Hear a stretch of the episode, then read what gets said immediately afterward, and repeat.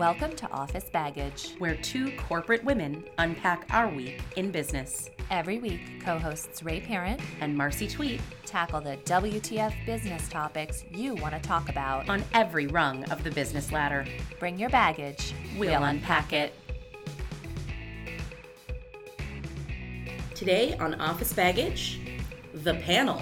We're joined by three of our colleagues to get the take of some men on some of the topics that we've been unpacking. Guys. Hi. Hi. Welcome to Office Baggage. Today we have with us Tony, who's an executive IT. Fuck me, I am off today. It's okay. It's going to be, you know. We're gonna be cutting a oh, lot Oh, do you know shit. what I brought you? Ooh, I thought this was like a mouse That's incredible.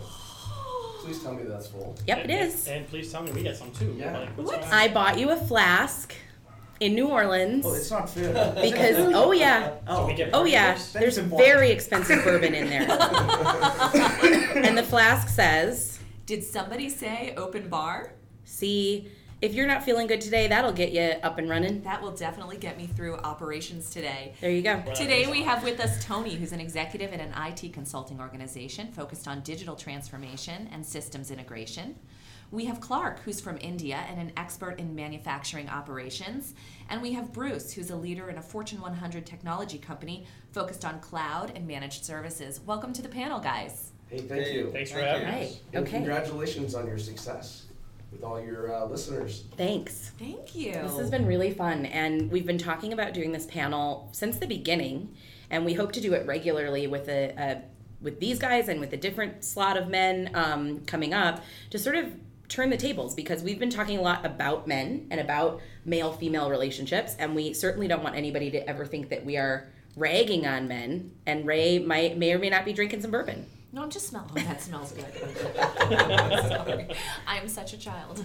Our last podcast we recorded over wine, so We it's did. getting more and more fun. And we didn't believe that one needed an explicit rating. No, we didn't, but. Charlie did. Yeah, well, Charlie is a little bit of a. Um, Charlie always thinks we're explicit. I think Charlie needs to recalibrate. What do you guys think? Are we explicit? You're expensive. Yeah, you are. That's why I'm here. It's a nice touch. That's why you like us. So, before we jump into the questions that we have for you today, uh, probably makes sense for you to go around and introduce yourselves. Clark, let's start with you. I'm originally from India. I went to school here in University of Alabama. I've been working in the automotive sector for the last 15 years, and recently I had made a move into uh, non non-automotive manufacturing and operations part of the business. So Great. that's uh, that's pretty much it. Wonderful. Bruce?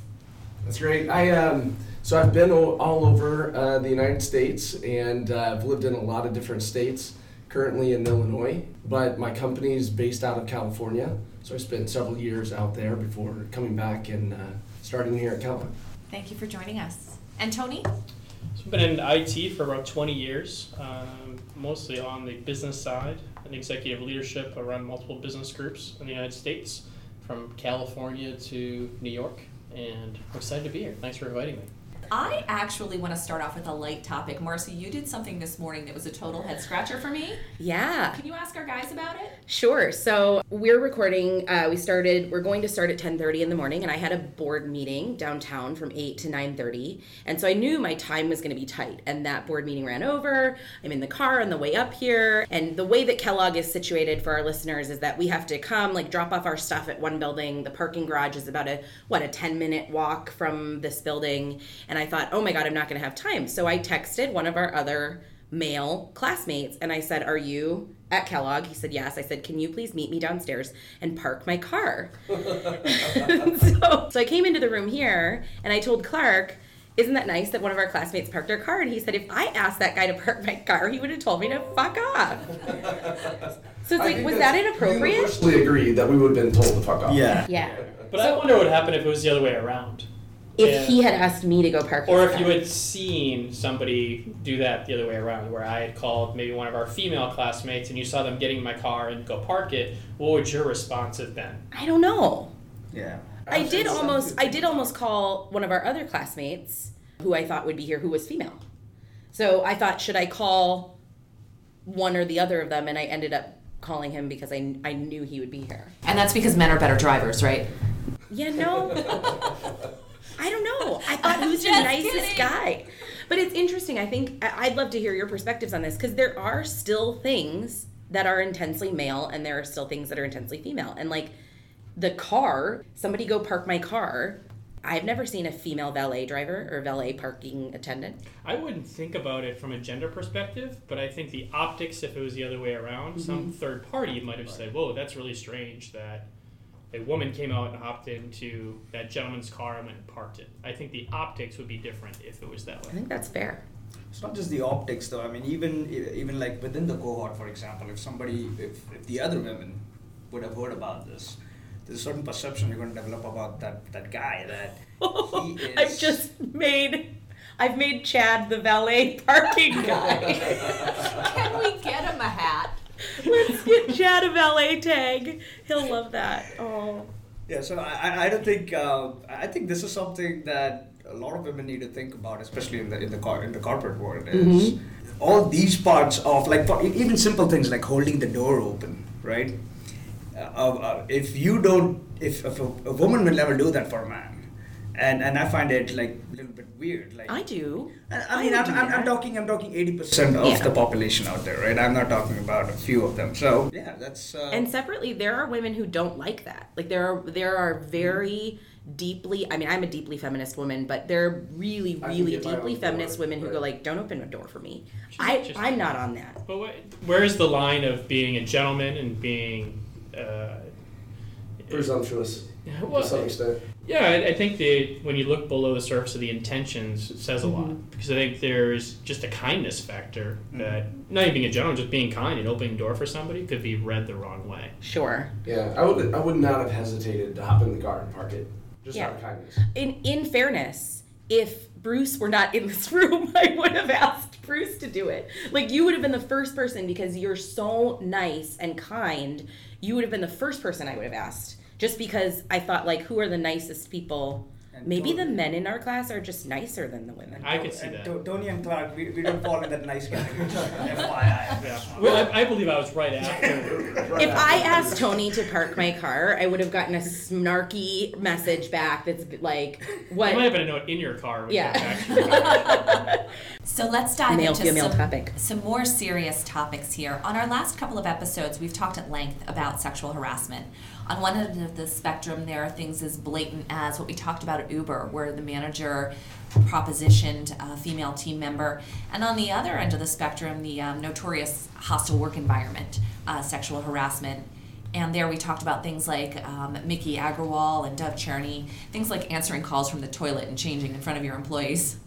So, as men in the workplace, have you experienced or observed these kinds of issues? Really interesting on this, and I thought about it, and I think everybody's experienced a little bit, you know, those those gray areas, right? And um, but the story that really jumped out at me was so I do technology, I specialize in innovation, and we were launching out some um, some new innovation globally. So we had this whirlwind European trip. We were in Germany, we were in London, we were in Brussels, and then finished up in Amsterdam.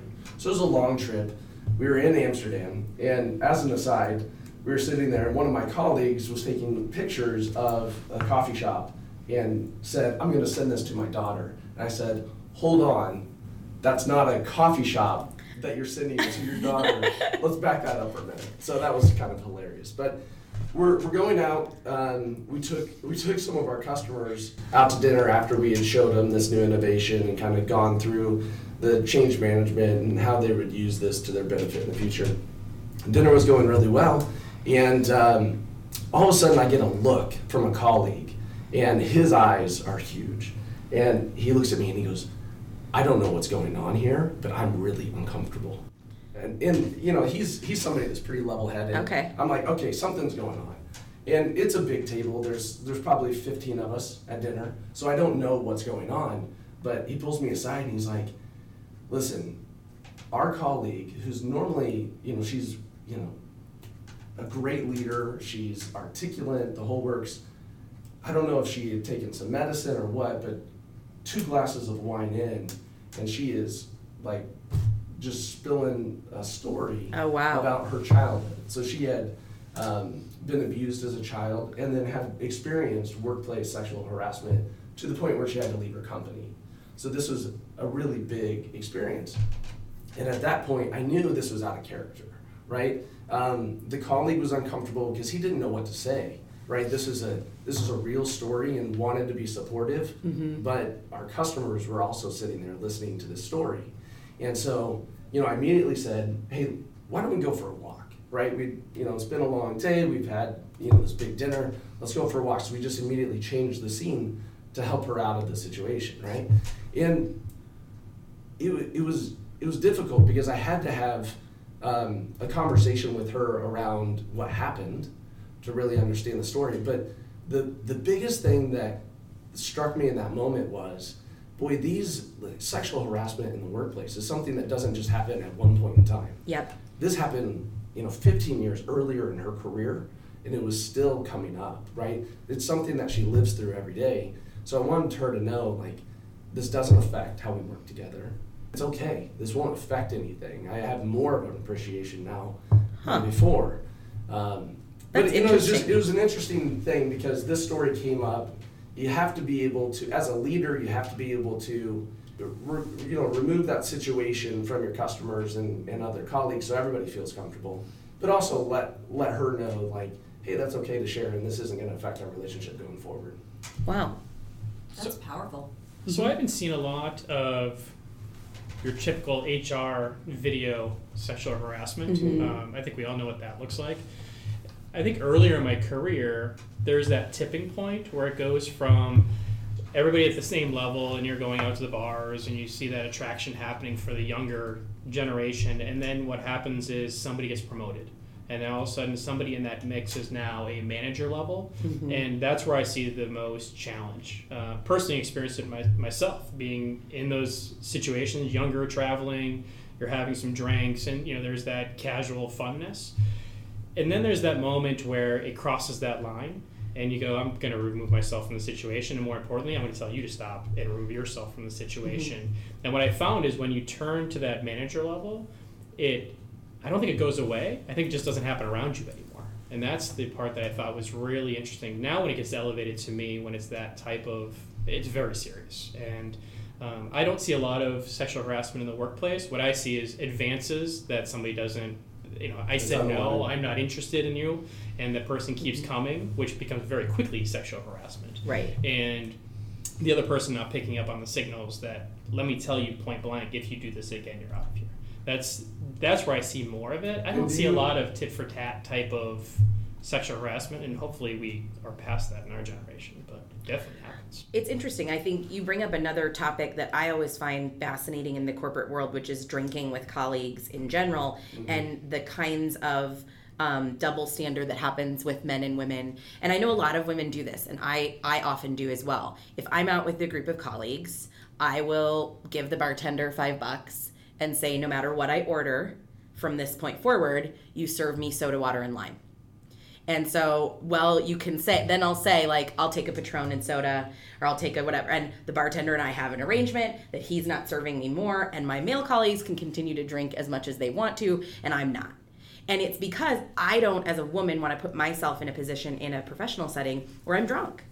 Because that takes a different level, and I don't think men take those same sort of precautions. They don't take the same precautions in my experience, and there's not the same consequences.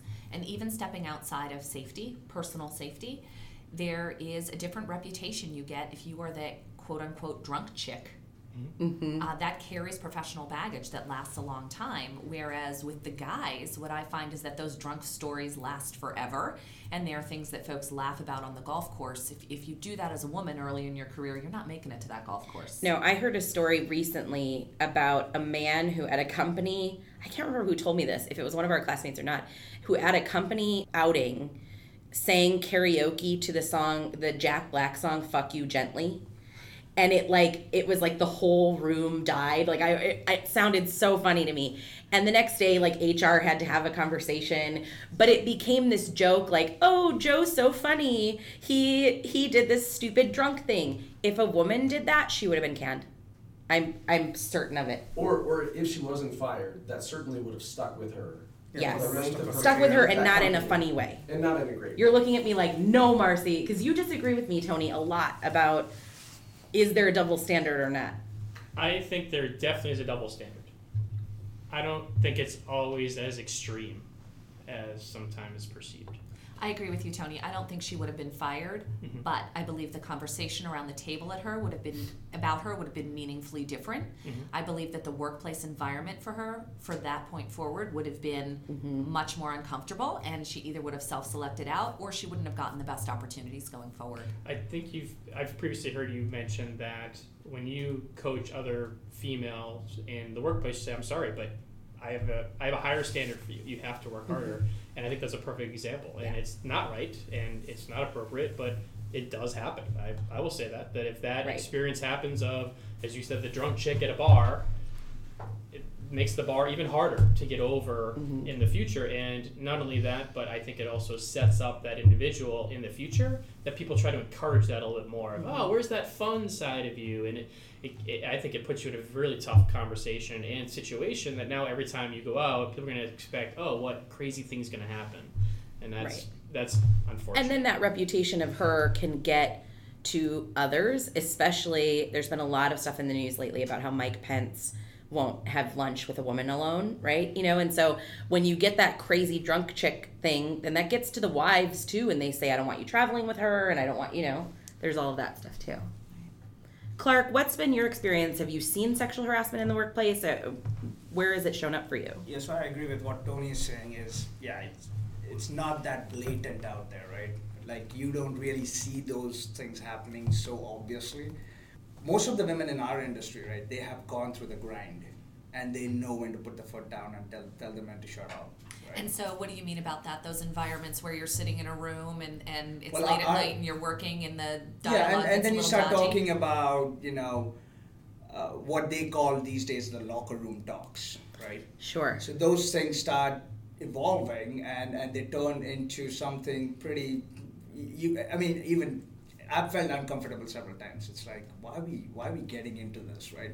This is a good. I'm interested in this topic because I always So- wonder, like, is that notion like after all the Trump, Oh, no, all, after all the Trump stuff, happen. people were like, oh, does lo- is locker room talk a real like what happens Yes. in the male business world? it's a complete real thing. Yeah, it's a real thing. I mean, it, I, I've, I've seen it so many times, and a lot of times, I mean, you can stop the conversation, but you know that you can stop this conversation, but uh, but the, the other the, the, women in the room are eventually going to face this somewhere else, right? So the the best thing you can do is not contribute to it, and try to try to bring the pace down of, of where this discussion is going, right? Uh, that's that's what I have seen in my, uh, uh, you know, and, and in our industry, which is ex- extremely male dominated, especially, um, it, it happens quite frequently. Some women have learned to adapt to it, and they kind of chime into it too, uh, which, see, I'm not saying that men have bad intentions when this is happening. This is just something you need to be conscious about, and this has nothing to do with even if there's a woman sitting in the room. It's just there are other men out there too, and in in our world, the whole fact about if you don't like cars, if you don't talk about women, then you're queer, right? That's like a standard punchline. And I'm like, even if you are, what's the big deal? Like, I, I, I don't understand that. Mm-hmm. And this is from me coming from the outside and looking into into the culture out here, right?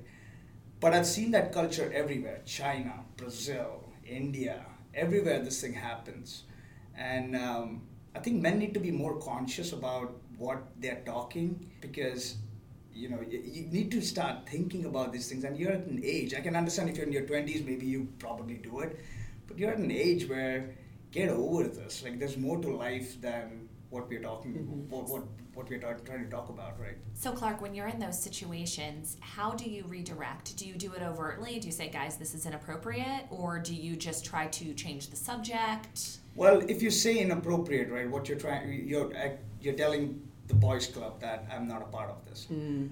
which doesn't play in your favor, right? Eventually, so there are different ways you can do these things. Like, hey, let's stop this. We're getting into the gutter. Like you make a joke about it, or you just try to start talking about the the work topic that you're working on and try to distract everyone, right?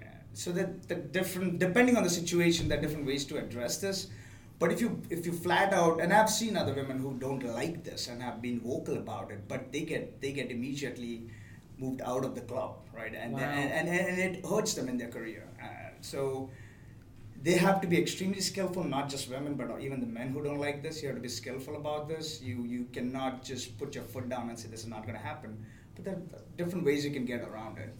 I think it's different too in different industries because I think both Clark and I work in heavy and have worked in heavy manufacturing, and there's this notion in in my business on the shop floor like oh that's just that's just they they say mill talk like oh that's just mill talk. So the other day it was cute. One of my um, incredible team members swore in front of a male leader. And then she said oh my god i'm so sorry. And he said oh for christ's sake I, that's i hear that on the floor all the time. Like he couldn't believe that she was apologizing for swearing in front of him. But this is it's a different level. I think in corporate there's more of like if that kind of conversation started in a more sort of professional services corporate company people would maybe shut it down faster am i wrong about that There's meaningfully less tolerance for it in my current context, financial services, uh, service oriented, than there was when I was, I spent a good year and a half on the floor of the New York Mercantile Exchange, right? Where it was, it was floor talk, it was pit talk. Um, and I developed a resistance to just about everything that anybody could say. But which is um, why we don't think we're explicit Fuck no. Um, but it is just a different. It's a different culture. I mean, I, I can give you another example. Like when I started my career uh, on the manufacturing floor, um, so typically a manufacturing engineer goes along with the quality engineer. They both are like tight hip to hip, right? And she was a uh, she was my age, uh, about 25, 26. Uh, both of us were working on uh, projects together. So she would several times tell me, and we would work late in the night, you know, when you're launching a product or something. So she would several times tell me not to go before uh, till she finishes her work, because at the end of the day, after five o'clock, six o'clock, most of the people are gone. But she would be concerned about certain people in the office, not physically concerned, but just the look. She said, "I don't like the way these people look. Uh, Talk to me after everybody's gone." So she would feel very uncomfortable, and um, I think she had hinted several times to these guys, but she would always tell me to wait, and then she would wrap up her work, and then she would like, you know, head out with me, so nobody can stop and talk to her. So I definitely, in the work environment, have the guys that I trust and that walk me out if I'm there late or what have you. Do you, Marcy? No, I don't. But I could see. I mean, I think it depends on the the place you're in. But no, I I don't. But I could see that. I mean, I'm careful when we're here in Evanston that if we're at a bar and I'm ready to go home, that I go that I don't get an Uber by myself. I mean, I'm I'm careful about that in in outside of the work environment places. Yeah, and I really like also in some of your previous podcasts how you talk about the calories of the, these types of choices that you have to make. That simply we don't have to as Mhm. men, right? And and so you know I've never thought about how late I work. If I have to worry about someone looking at me in a way that makes me uncomfortable, Mhm. or going to my car, or going home. On the flip side, it's interesting. I think men have to think about optics on a completely other side of the coin. So I'm thinking about safety in a hotel when we check in. He's thinking about optics. We're on a trip to New York together and we happen to get put on the same hotel floor, like two doors down from one another. That's uncomfortable for a male boss with a younger female employee. It might look bad, especially if you were traveling in a context where there were a lot of other people and could see that you were getting off on the same floor, all that. I think men have to think about that kind of optics, and we we often don't. I think there are women that think of that optic as well. though. Yeah.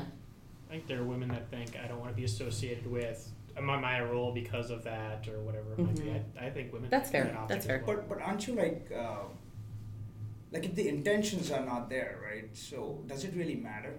Like, don't you make it a little bit obvious by by deliberately splitting the floors up and staying in different floors?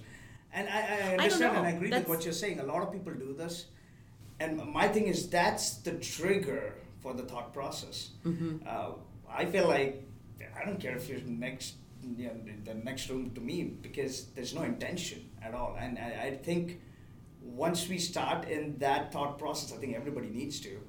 It doesn't really matter, right? Uh, Maybe I'm Yeah. wrong. Maybe I'm maybe I'm thinking in a in a more um, ideal situation. I don't know. I, I don't worry about it so much now, but definitely earlier in my career, there was there was a point in my career where I had, I think it was five promotions inside of seven years, and the culture that I was working in in the time was very much people would go out to dinner. A lot of work would get got- done over dinner. And I was very, very focused on not going to dinner with any of the, the men one on one. Because I, with that many promotions, I was very, very cognizant of, of what that might look like. And it was unfortunate because I wasn't able to have the same kinds of conversations and get the same amount of leverage. But I, I did make that choice, and I made that choice because of optics.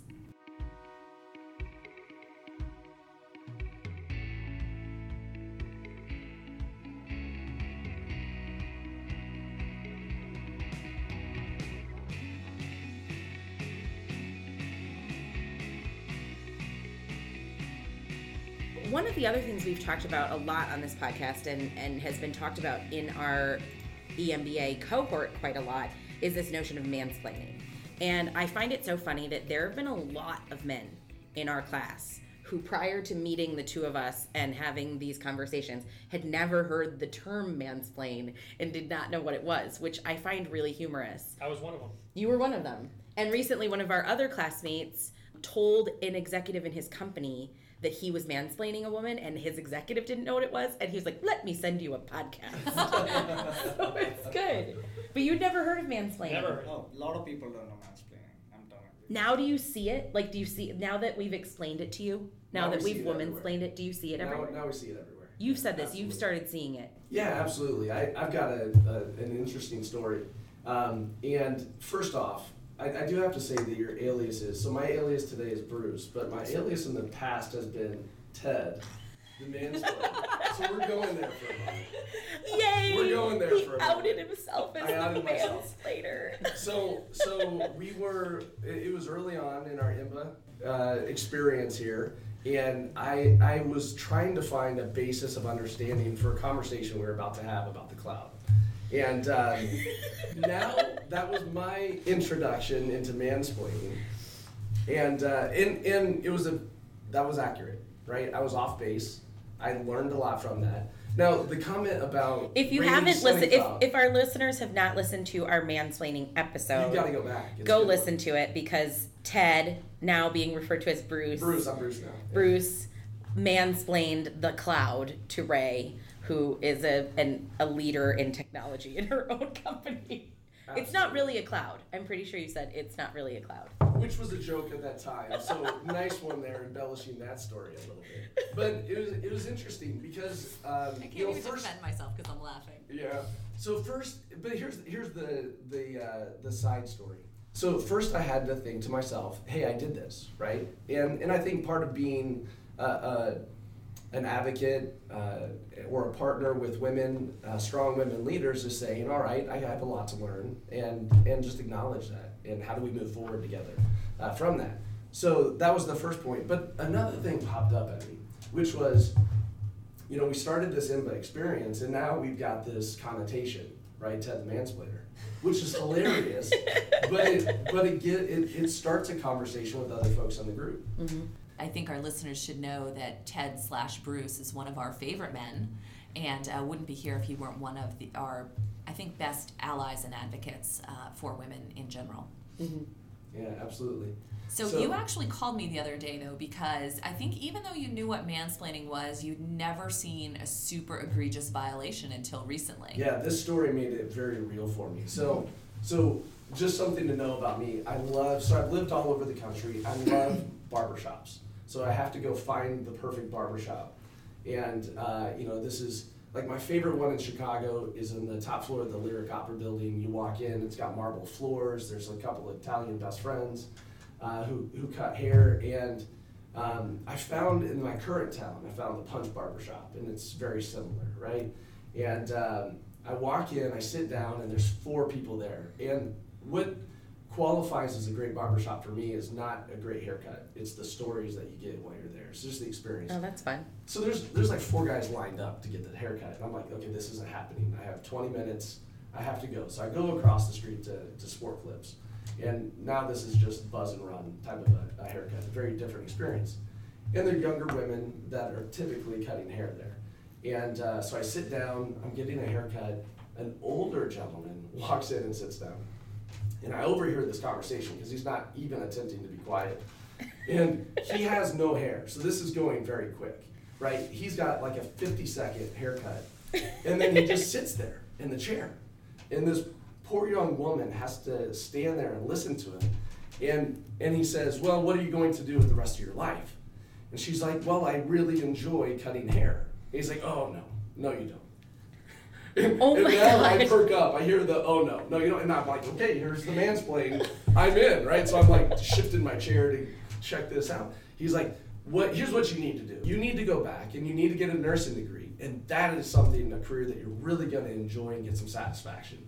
She, you know, kind of tilts her head sideways a little bit, and she's like, well, no, but I really enjoy talking to my customers and styling hair Talking to her customers with the exception of this dude. uh, with the exception of this dude. And and so at this point, I'm getting you know the the wash down so you don't have hair and um, and I'm like, listen, I have to listen to this story, so you just fidget with my hair as as long as it takes. Long story short, 30 minutes later, this guy is still mansplaining what she needs to do with her life, and she's she has not touched his hair in 30 minutes. Oh, that So- poor but- girl. But the thing that really jumped out at me was here she is, she can't tell the customer to leave, right? It would just be poor form. So she's trapped. And she's trapped in this situation where she has to listen to someone and can't address it. And that I just have to imagine. It made it real for me. If if you're in a corporate setting, you feel trapped. What can I say? I'm being treated this way, what can I do? As Marcy said on one of the recent podcasts, I believe you were quoting Liza Shlesinger. There's very little that we can do as women aside from having sex and Having leaving sex and leaving quietly. Aside from having sex and leaving quietly, we're just gonna look like bitches. No matter what we do. So I just let it go. But it, it's true. You do in that moment, and I've been mansplained to a ton, nothing that bad. But you, you do just have to kind of sit there and take it, especially if it's a customer or a male superior, because pushing back can be pretty uncomfortable. I had a man recently ask me if I knew about a, a women's investment platform called Ellevest, Sallie Krawcheck's investment platform. And I said, yes, actually, I'm an Ellevest investor. I have been for a couple of years. And then he took five minutes to explain to me what Ellevest was and how it works. After I said, yes, I not only know about the platform, I use it. And then he explained the whole thing to me. But he was somebody I was trying to get to know in my career. It was an important networking connection. And I'm like, what am I supposed to say? Except sit there and listen to him. sit there and listen. And what I find to be so great is when I get in those situations, I hear about them after the fact. It'll be like, oh, so and so said he met you at the conference and you had a great conversation.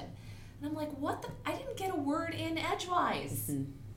I heard Alec Baldwin say that recently that his tactic as an actor is to never speak in conversations with directors. To just say Always things like, listen. oh, interesting. And then what did you do? And then what did you do? And directors walk away and they go like, we loved him. He's amazing." Best amazing. conversation ever. Yeah. Because it's all them. Tony, do you see mansplaining? This is a new concept for me. This mansplaining. Um, I'm still learning it of what mansplaining is, because a couple of examples I've heard I don't hear as mansplaining. I hear as I don't know older splaining on younger. Because I personally have run into that a lot in my career, and I don't see that as a gender thing Right. because I'm relatively young for the roles that I've had along my career track, and I've constantly walked into rooms and someone talking to the individual next to me because they look like the role that I'm in, um, or walking into a room and uh, because of my age, expected that you don't know what you're talking about, so I'm going to talk at you, and you just sit there and listen for a while, and then you open your mouth and they go, "Oh, okay, you do have a brain and you understand what you're talking about." So. I don't look at it as the gender side of it. I not to say it doesn't exist. I'm sure it does. I mean, these obviously are great examples. I personally haven't had those examples. Well, that's we talked. I mean, I see a lot of older, older, older person splaining that goes on, and I think it just puts a name on it when it's mansplaining because it it almost makes it safe to make it a joke because there's a word and there's a lot of stuff about it to be like, oh, really? You just mansplained the heck out of that, you know? It. I don't know. I think you're right. We do make it a joke a, a little bit, and we do kind of pick on the men in our cohort whenever they explain anything, whether we needed the explanation or not. And I think that's fine. Everybody laughs.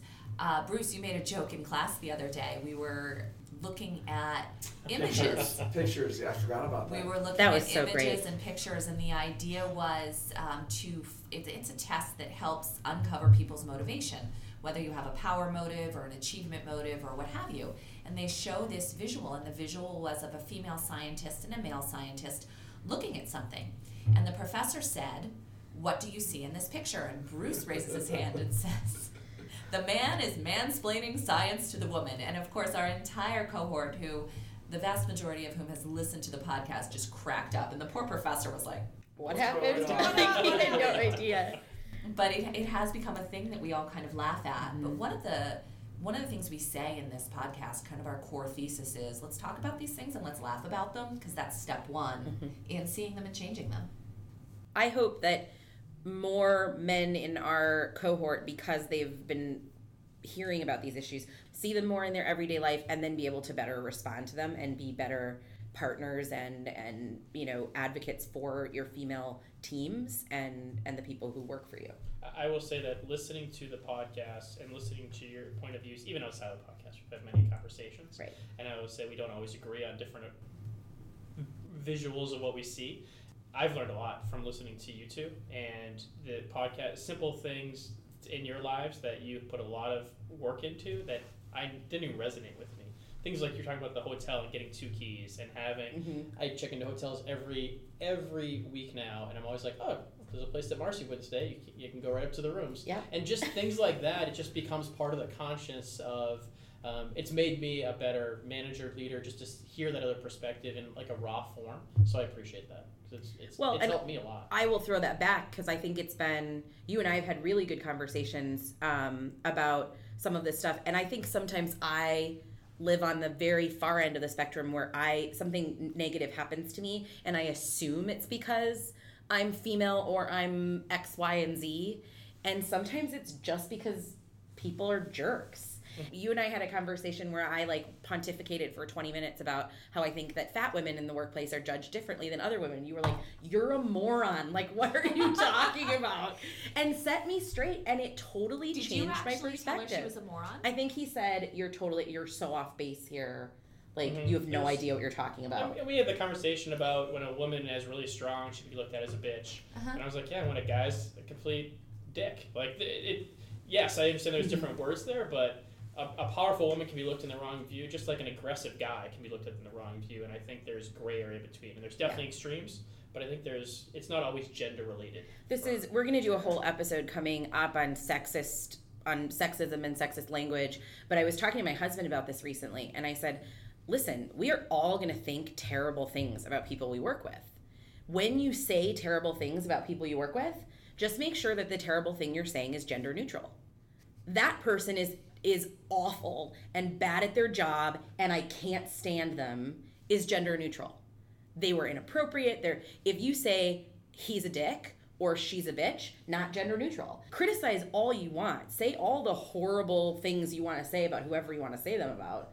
Can we agree that Just- asshole is gender that's- neutral? I think asshole. I think asshole Yeah, and jerk asshole are gender gender neutral. neutral. so let's go with asshole versus bitch and dick and what we Yeah, and then we're good. You know, like Career advice from Marcy. Say all the negative shit you want about people. Well, I mean, in the right kind. Of like, I mean, I'm going to complain to you or m- complain to my husband or whatever. My husband and I recently got in like my Charlie and I. You guys have all met Charlie. Charlie and I never argue because why would you ever need to argue with my husband? He's like the most. Amazing. He's a saint, right? But we got in a huge argument where like I stormed away because I said that no man should ever compliment a woman by telling her that she looks younger.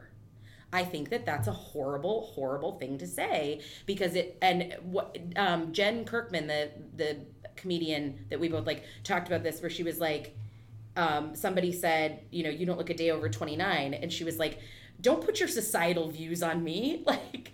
It doesn't like being 29 is not the end all be all of the world. Like, tell me I look nice. Tell me that, um, you know, I don't know, but don't say, you don't look a day over 29 and charlie and i got it charlie's like a lot of women like to be told they look younger than they do and i I was like fucking love it. so you and i I fucking love it. It's an interesting. It's an interesting comment because there's a personal relationship that you have with someone, and then there's a professional relationship that that you have with someone. I think on a personal relationship, those are normal conversations. I think professionally, yeah it, That's a great it's there's there's better ways to develop a personal or a, a professional relationship than to go there. Yeah. Don't confuse the two. Do you? So this was part of the conversation Charlie and I had. Do any of you ever? Do you compliment women in the workplace on their looks ever? I No. know. I, Ever. I, I do all the time. You do? Yeah. How? And, and they love it. Most of the women do. But see, it's all What do you- about, wait, wait, what do you it's say? All about the, like if, if if they're putting if they have uh, like a good pair of shoes or something. Hey, I love those. Those are be- those are great. Or some Appropriate See, the- compliment. Yeah, appropriate. or, or or if if like recently, like just recently, there's this you know uh, uh, one lady at work, and I saw her, and I was like, something different about you, and she's like. I've lost like five pounds or something like that. I was like, see, I noticed it. It's something different. You're like glowing. And I would say also Int- appropriate compliment. Yeah, interesting because you know the technique you used was open the door, but let her volunteer the information. Yeah, yeah. and See, and I don't do, I don't think about this. I genuinely go, and if I see, and I say that to, to even, I mean, I don't say it to a, to a man that hey, you're looking awesome, but the kindness part, right? You're talking mm-hmm. about. If you generally see a difference, and if even if it, I mean, most of the times you, you talk about positive things, you see that you, you just say it. But if you're saying because you want something back, things Mm-hmm. change and you could say the exact same thing because you're expecting something in return and, and things are changing right Mm-hmm. so Is it fair to it say, is. from a female's perspective, you can tell the difference? Somebody being generally Oh, kind yes. versus that just had a complete. Yes. Oh, we to talk. I seriously like should just make every listener listen to all the Iliza Shlesinger things on Netflix. But Iliza Shlesinger talks about walking down the street, and every woman knows what it feels like to have a man's eyes on you. And it's one of two things. And her joke is you're either walking down the street and you walk really fast and you're like, don't look at my butt, don't look at my butt, don't look at my butt. but you also know what it feels like to go like, yeah, you're looking at my butt. Like, and it's a different, but the minute a man's eyes come on you in that way, you know. Without a doubt. And the same for comments. So if somebody says, you look very nice today, in a in a way that has none of that crap behind it, it's never offensive. See, that's what i'm saying you But can if say somebody the exact says, same like- thing in the exact tone Yeah. but the intentions is something that a person can feel Yeah. I also say it's the attractive factor, which I probably shouldn't say on this and be recorded. No, you should. But I truly believe that if the guy or the girl is attractive, saying it to the other person, it's like, all right, that feels good. Yeah. When they're like the creepy weirdness, it's not. And and right, wrong, or indifferent, I've seen two people say the exact same thing, and one is very good looking and one is not. And it's like, yeah, that that felt different when they looked at my rear end. Mm-hmm. Like, yeah, I'm pretty sure that's because the guy was hot as hell. Like, yep, you probably appreciate Yeah. that a little bit more. But it's also you have that moment of reciprocal. Like some, we, I was talking to someone recently about st- you know people who say things to women on the street, right? And that's a street harassment is a huge thing. And like if you make eye contact with me and I smile at you and then you say you look nice today, to me that's not street harassment. If I walk by you and you yell behind me like good look it, like then I'm done- you know then street harassment, That's right? what happened. Yes. Oh my It god! Does. Yes. I've never, seen. I've never seen it walk down though. Like, I've never heard it. it. I, I've never, I always see it like in the movies or like, you know, Yeah, the, the hard hat. the hard hat with the orange vest. Be like, look at that walking by. Like, I've never actually, now I don't like You need to watch. There's a great by. video of, that a woman did where she carried a camera on her purse for a day through New York City, and she was catcalled. Something she walked all day. I mean, she was out for eight hours and like walked around and did this and had a camera on her purse. She was dressed fairly normally, um, younger woman, and was catcalled something like 80, 80 sometimes. So I recall that video, and it was extremely powerful. However, there were some instances that I would not have counted as catcalling, and perhaps I'm being naive. But if you're walking down the street alone and someone says hi to you, and a lot of the men did just look her in the eye and say hi, to my mind, that is not harassment. That is basic courtesy. No, but only you know as a woman what the energy behind that is or not, right? Or, or whoever's getting, the, who's- 'Cause- whoever's receiving that uh, can understand the energy behind it. Because You're you've I've had But that being moment hit where on isn't being Yeah. catcalled, Yeah. right? I mean, just because there's something behind it doesn't mean it's a catcall. It could be like, hey, It depends. I think there's there's like a it's like a spectrum of Right. of that. And but there was definitely a fair amount of that video was like, where I was like, oh my gosh, are you kidding me? Like, how do these guys think that this is going to work? And of course, when it's an egregious catcall, it's not about getting any kind of reciprocation for the, from the woman. It's about power. And that is mm-hmm. extremely offensive. But just a hello, just looking someone in the eye who's walking down the street, I, don't I don't know if there's some hypersensitivity there. I appreciate There the can be. point that you personally have to feel what either is or isn't behind that. But every single instance of someone saying hello to her was counted as a catcall, Yeah. and I, I But there were a lot of legitimate. there was a lot of legitimate bullshit in that. Listen, it happens to me all the time. And I am a woman of a of a certain weight. I am the fat chick in the fat chicken token Jew here. And I get catcalled on the street. I can't imagine what happens to like very young, very hot women getting cat because it happens to me all the time. You know, coming it happened to me yesterday, coming out of a restaurant and a guy said, You look good today, girl. And it's like that kind of mm-hmm. thing. I would never like turn around and say like, "Rah, rah, rah, rah, rah," right? Like I'm not gonna do that, and that's not who I am. And I think I sort of like went, you know, okay, and kept walking. But it's that happens to me three times a week. But I just want to go on record and tell you that it has never happened.